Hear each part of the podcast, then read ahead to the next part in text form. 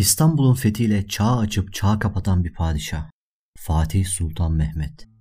Askeri dehası, devlet adamlığı ve entelektüel kişiliğiyle tarihin en büyük liderleri arasındadır. Tabii böyle olunca tarih boyunca hakkında bir sürü de rivayet bulunmaktadır. Bunlardan birisi de ölümü hakkında. Zehirlendi mi, eceliyle mi öldü, öldükten sonra mumyalandı mı? İşte bu sorulara cevap vermeden önce kanala abone olmayı unutmayın. Hazırsanız anlatıyorum.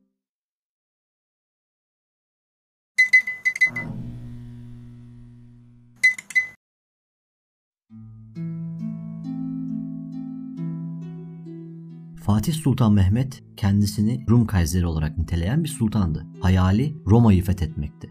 Troya mitolojisine oldukça hakim olan Fatih, Papa Pius'a gönderdiği iddia edilen mektubunda Hektor'un öcünü aldığını ifade ettiği söylenir.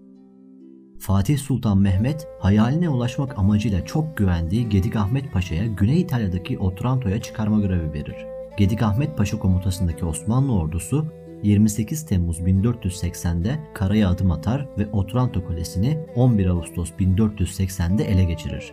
Gedik Ahmet Paşa komutasındaki Osmanlı ordusu kışı Otranto'da geçirir. Bu sırada Fatih Sultan Mehmet hazırlıklara başlar ve 3 Mayıs 1481'de ordusunun başına geçer. Fatih'in ordusuyla nereye gideceği tarih boyunca düzenlediği seferlerde meçhuldür. Hatta sırrımı sakalımın tek teli bile bilse keser atarım diyen bir sultanın nereye gideceği belli mi olur? O sırada Vatikan Venedik hattı seferin Roma'ya yapılabileceğinden şüphelenir. Aslında bir nevi haklıdırlar. Gedik Ahmet Paşa güneyden, Fatih Sultan Mehmet ise kuzeyden saldıracaktır. Hile ya da aldatmaca Türklerin en eski savaş kurallarından biridir. Fatih sefer sırasında yönünü doğuya çevirir. Amacı casusları yanıltıp seferin doğuya yapılacağı imajı oluşturmaktır. Ordu Gebze civarına geldiğinde konaklar ve koca sultan aniden fenalaşır. Doktorları müdahale etse de nafile. Ciğerleri paramparça olmuştur.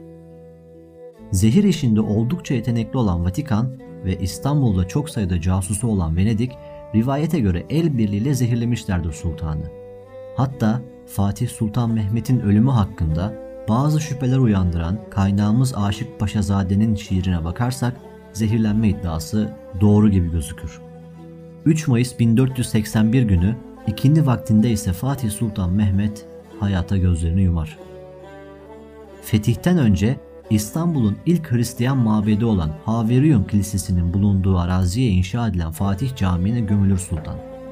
İstanbul şehrinin kurucusu 1. Konstantin'in mezarı da bu kilisedeydi. Fatih bunu bildiğinden Fatih Camii avlusuna gömülmeyi istemiştir. Aradan asırlar geçmiş, takvim yaprakları 1800'lü yılların sonlarını göstermiştir. Bu tarihlerde İstanbul'da bulunan Fatih semtinde büyük bir sel olmuş, halkın rüyasına Fatih Sultan Mehmet girmiş ve boğuluyorum beni kurtarın dediği dedikodusu kısa sürede dönemin padişahı 2. Abdülhamit'in kulağına gitmiştir.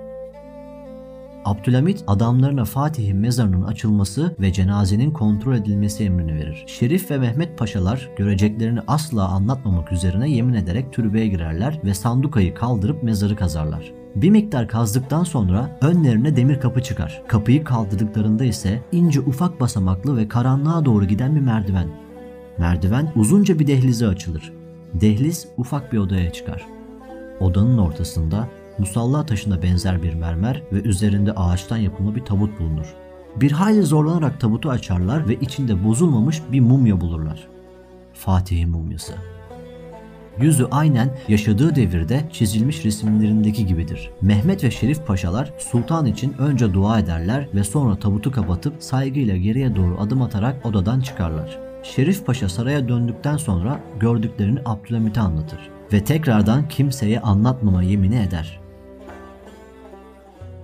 Fakat gel zaman git zaman Şerif Paşa sözünü tutamaz. 1940'lı yıllarda İbnül Emin Mahmut Kemal İnal'ın Mercan'daki konağında yapılan musikili bir sohbet meclisinde olanı biteni anlatır.